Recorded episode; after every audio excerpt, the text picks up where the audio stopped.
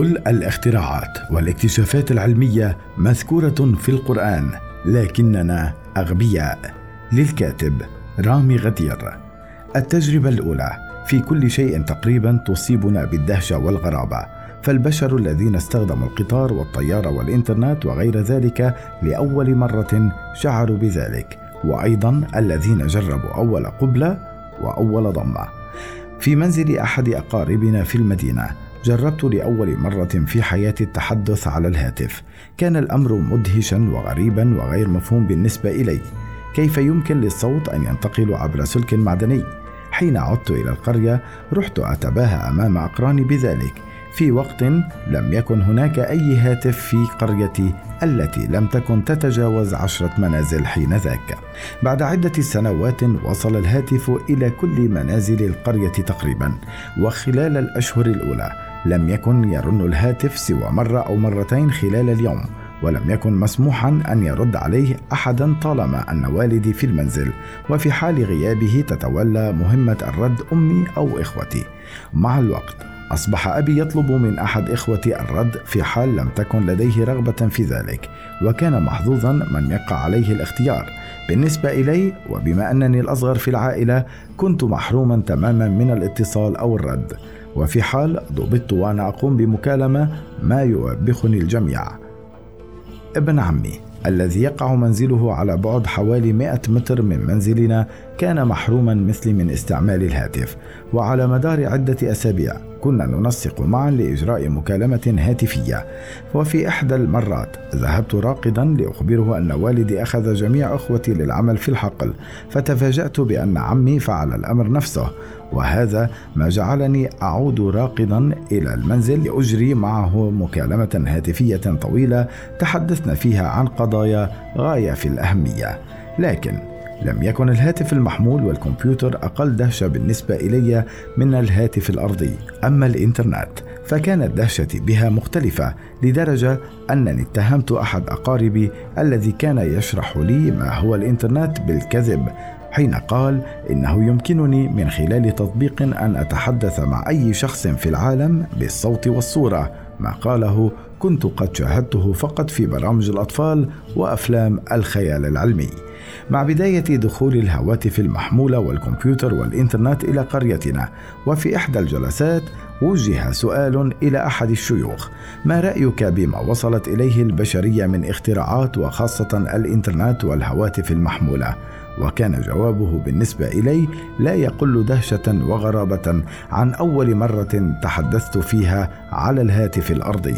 قال كل الاختراعات والاكتشافات العلمية مذكورة في القرآن والعلماء الأجانب أخذوها منه فمثلا السيارات والطيارات والمركبات الفضائية ذكرت في سورة النحل ولكم فيها جمال حين تريحون وحين تسرحون وتحمل أثقالكم إلى بلد لم تكونوا بالغيه إلا بشق الأنفس إن ربكم لرؤوف رحيم.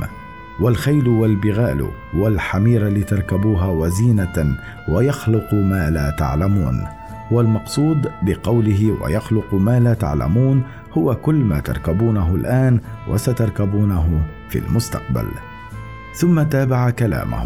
التنقل بسرعة الضوء ذكره القرآن قبل المدعو أينشتاين. في قصة النبي سليمان حين طلب أن يحضروا له عرش بلقيس إذ قال الله في الآية أربعين من سورة النمل قال الذي عنده علم من الكتاب أن آتيك به قبل أن يرتد إليك طرفك فلما رآه مستقرا عنده قال هذا من فضل ربي ليبلوني أأشكر أم أكفر؟ ومن شكر فإنما يشكر لنفسه ومن كفر فإن ربي غني كريم. ولم يكن الذي عنده علم الكتاب يتحرك بسرعة الضوء لما استطاع أن يجلب عرش بلقيس لسليمان قبل أن يرتد طرفه. بالطبع كان من بين الحضور أشخاص لم يقنعهم كلامه ولكنهم كانوا خائفين من الرد عليه لاعتبارات دينية واجتماعية. كل الاكتشافات العلمية أكمل الشيخ كلامه. التي لم تذكر في القرآن قد تكون صحيحة ولكن أي اكتشاف يخالف القرآن فهو باطل حتما.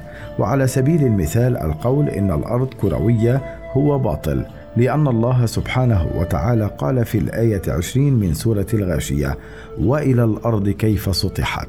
ولم يقل كيف كورت؟ أو دورت؟ أما الذرة التي تتكون منها القنبلة الذرية فقد ذكرها الله سبحانه وتعالى.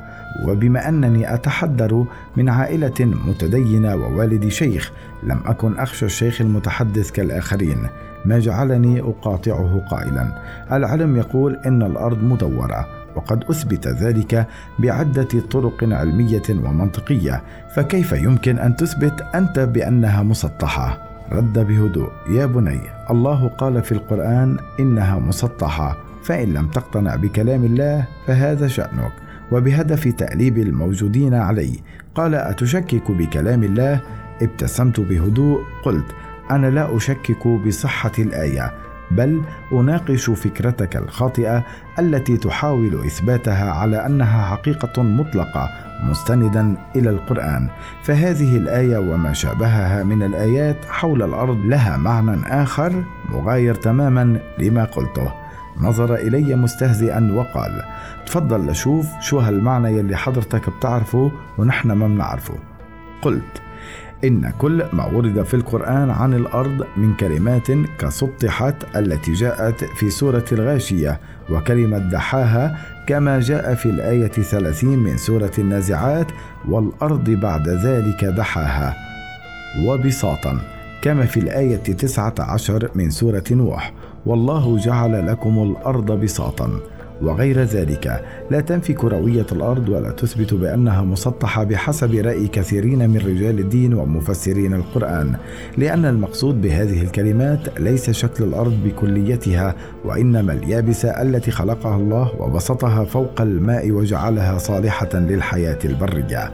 وقبل أن يتكلم قلت له اسمح لي أن أكمل حتى النهاية وبعدها سأسمعك حتى الصباح. ألم يقل الله في الآية 34 من سورة لقمان؟ إن الله عنده علم الساعة وينزل الغيث ويعلم ما في الأرحام وما تدري نفس ماذا تكسب غدا وما تدري نفس بأي أرض تموت إن الله عليم خبير. ما رأيك إن قلت لك إنه من خلال التصوير بالموجات فوق الصوتية يمكن معرفة إن كان المولود في الرحم ذكرا أم أنثى وهذا مثبت وملموس على أرض الواقع. فهل يمكن أن نقول إن هذا الأمر خاطئ لأن القرآن يقول عكس ذلك أم أن هناك تفسيرا آخر للآية؟ وتبعت أيها الشيخ حين تقول إن كل الاكتشافات والاختراعات العلمية التي وصل إليها العلماء الأجانب موجودة في القرآن. هذا اعتراف منك بأننا أغبياء وجاهلون. فالقرآن كتاب المسلمين وعلماؤنا لم يستطيعوا أن يخترعوا شيئا في حين أن العلماء الأجانب فعلوا ذلك. نظر إلي وباستهزاء وقال كلامك كله بلا معنى ولم يقنعني. أجبته أنا لا أحاول إقناعك بل أحاول لفت انتباهك إلى رأي آخر غير رأيك.